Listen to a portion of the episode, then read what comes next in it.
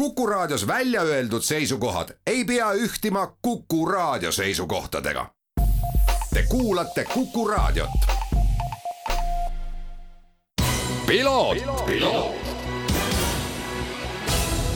tervist, head Kuku raadio kuulajad, eetris järjekordne saade Piloot ja stuudios saatejuht Margus Kiiver.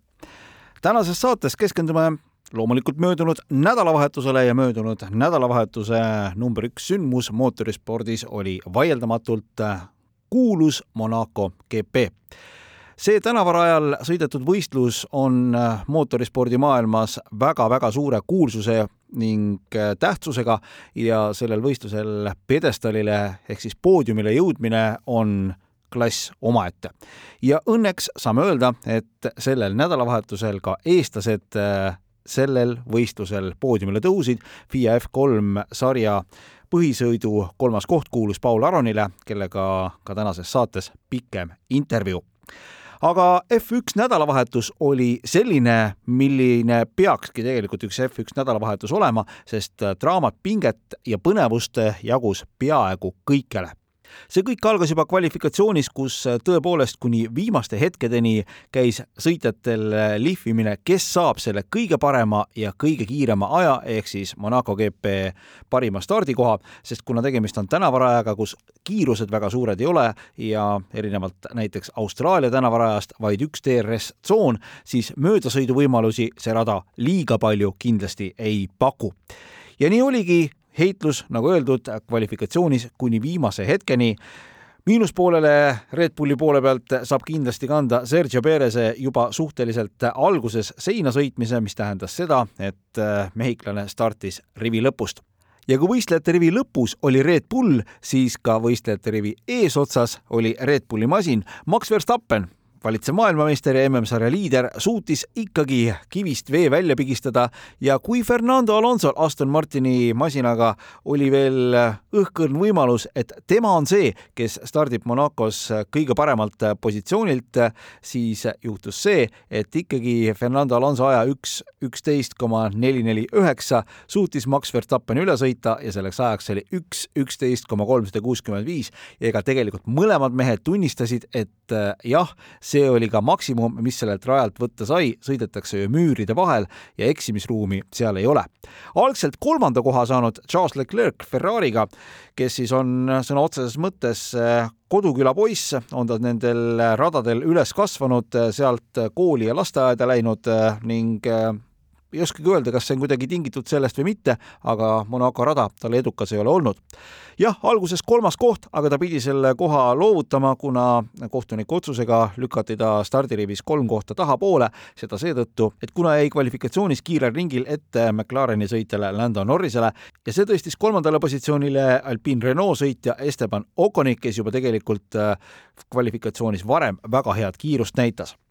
ja ega võidusõit alguses läkski nii, nagu ta läks, Max Verstappen tegi parima stardi, Fernando Alonso püsis tema taga, vahe muudkui Verstappeni kasuks kasvas ning Esteban Ocon oli samuti äh, turvaliselt äh, omal positsioonil ehk siis kolmandal positsioonil. aga võistluse lõpuosas üllatas võistlejaid äh, vihm, mida mõneti küll oodati, aga siis läks tõsiseks rehviloteriiks ja ega seda tegelikult ongi sõnadega keeruline seletada, mis seal siis kõik toimuma hakkas, aga esiotsa mehed ei eksinud ning see tähendas siis seda, et võistlussõidu võidu lõpetas äh, võitjana Max Verstappen, Fernando Alonso teine ja Esteban Ocon tõusis äh, kolmandale positsioonile, mis loomulikult äh, võib-olla, kui vaadata kahte eelpool sõitjat, siis Oconi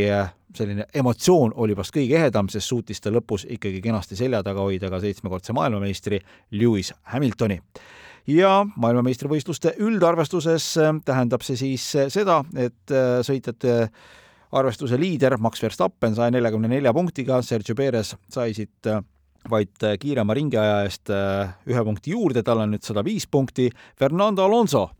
kolmandal positsioonil Aston Martiniga ning Lewis Hamilton neljas, George Russell samuti siis Mercedesega viiendal kohal ja Carlos Sainz Ferrari'ga kuues, Charles Leclerc Ferrari'ga seitsmes, nii et Ferrari jaoks kindlasti hooaja algus, mida nad ei oleks tahtnud ja saab näha, mismoodi siis punased äh, oma asjadega hakkama saavad. aga läheme edasi siis äh, FIA F3 sarjaga, kus äh, Prema motorsport ridades kihutab Paul Aron. Paul Aron tegi suurepärase nädalavahetuse ning oli kvalifikatsioonis kolmandal positsioonil ja see tähendas siis seda, et esimesse sõitu pööratud järjestuses äh, startis ta kümnendalt kohalt ja seal ka lõpetas, teenis ühe punkti ning äh, teises põhisõidus, mis sõideti pühapäeval, kuulus Paul Aronile kolmas koht. võitlusi äh, koha nimel oli päris palju, ta suutis oma kohta kenasti hoida, pea külmana hoida ning väga väärtuslikult viisteist punkti tuli siit koju. Ja nüüd, kui sõidetud on kolm etappi, asub ta viiendal positsioonil. Tiimikaaslasest Dina Beganovitšist jääb ta maha kaheksa punktiga ja Portoleto, kes siis on sarja liider, on kogunud praegusel hetkel seitsekümmend kolm punkti, Aronil siis kolmkümmend kaheksa punkti, aga sõita veel kuus etappi. ja nüüd siis telefoniintervjuu, mis salvestatud esmaspäeva õhtul, kui Paul Aron taas oli reisimas punktist A punkti B ning alustuseks uurisin Pauli käest seda, et kas äh, vastab tõele, et sõitja, kes on nädalavahetusel Monacos poodiumile tõusnud, võib nädalavahetusega juba eos rahul olla? kindlasti Monaco on üks erilisemaid sõite meie kalendris ja alati on äge saada poodium sellisel sõidul. muidugi eelmine aasta oli mul, oli mul väga-väga keeruline aasta ka siin Monacos, üks kõige keerulisemaid mu elus, ma ütlen ausalt, nii et äh, tulles siia tagasi ei olnud kindlasti lihtne esialgu, need nii-öelda mälestused tulid natukene kummitama, äh, uuesti, aga, aga ma olen õnnelik, et ma nii-öelda suutsin oma pea äh, tühjana hoida ja, ja sellegipoolest teha, teha hea töö ja, ja, ja hea tulemuse siin. no kui me hakkame seda nädalavahetust nii-öelda kvalifikatsioonist alates äh, lahti võtma reaalselt siis nii-öelda nagu tulemuse peale sõitmisest, siis äh, päris korralik esitlus ja tegelikult mõlemalt Prema piloodilt, nii Tiina Beganovitšilt kui sinult ja no me oleme mõlemad varem siin sõitnud ka ja, ja mõlemal korral on meil, on meil hea kiirus olnud, nii et me eeldasime mõlemad siia tulles, et me oleme kiired ja,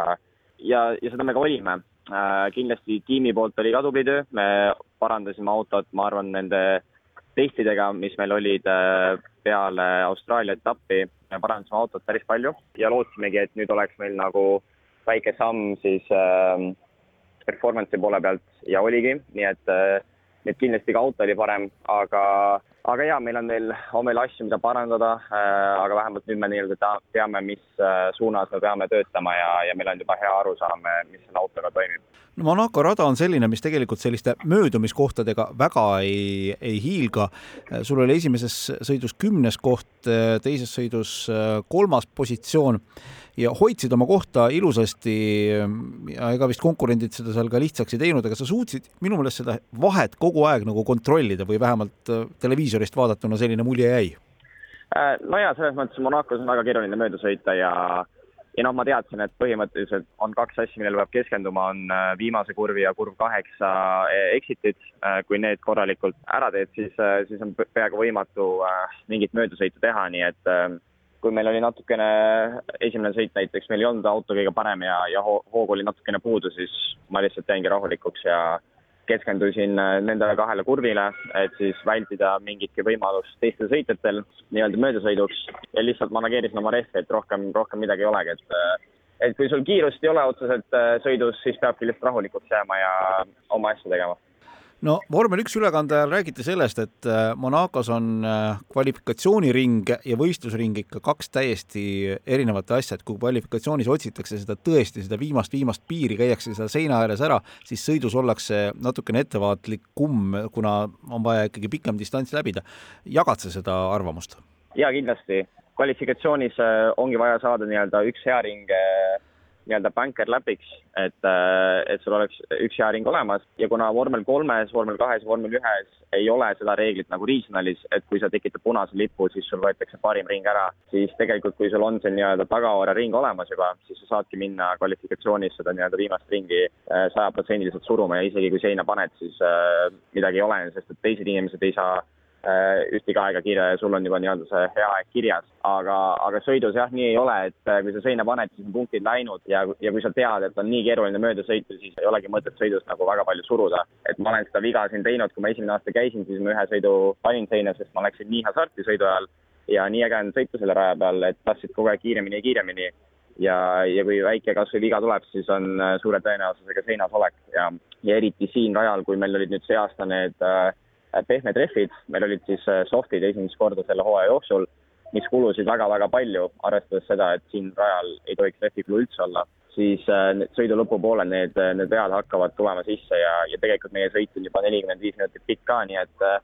et sõidu lõpus on ikkagi tunda ka natukene väsimust. räägi selle Monaco raja kohta ka, et, et mis ta nagu sõitja jaoks nii eriliseks teeb, sest ta ei ole selline rada, mis on selline kõva lõppkiiruse rada, eks ole? Kuidagi raske seletada, muidugi üks asi on see, eks ju, et äh, kogu see ajalugu ja, ja see glämm, mis selle rajaga kaasas käib, et juba noh, kogu see ülesehitus sellele nädalavahetusele paneb sind juba mõtlema, kui äge see on. Ja see on natukene võib-olla niisugune nagu peapesu, et äh, kuna seal Monacos on nii ägedad varasemad sõidud olnud, kuna see, selle sõidu võitmine on nagu nii tahetud, siis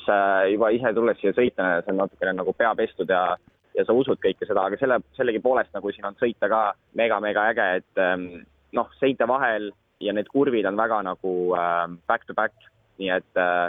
sul tekib niisugune hea flow ja,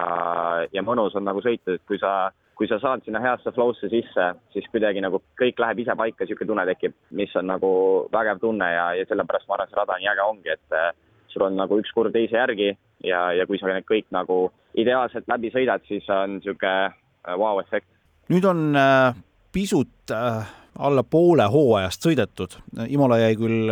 vahele ja minna on siis veel kuus etappi, sa said päris korraliku punktilisa, oled viiendal positsioonil, kuidas edasi? ütleme edasi ülespoole. Meil ei olnud hooaja algus nii-öelda kõige parem, kindlasti katastroof ka ei olnud, aga, aga me teadsime, et see sari tuleb nii-öelda pikk ja me mängime nii-öelda pika peale kogu seda mängu. Ja kui meil hooaja alguses ei olnud kiirus täpselt selline, nagu me soovisime, siis äh, idee oligi nii-öelda koguda punkte ja, ja hoida meid seal äh, nii-öelda championship'i äh, fight'i mängus.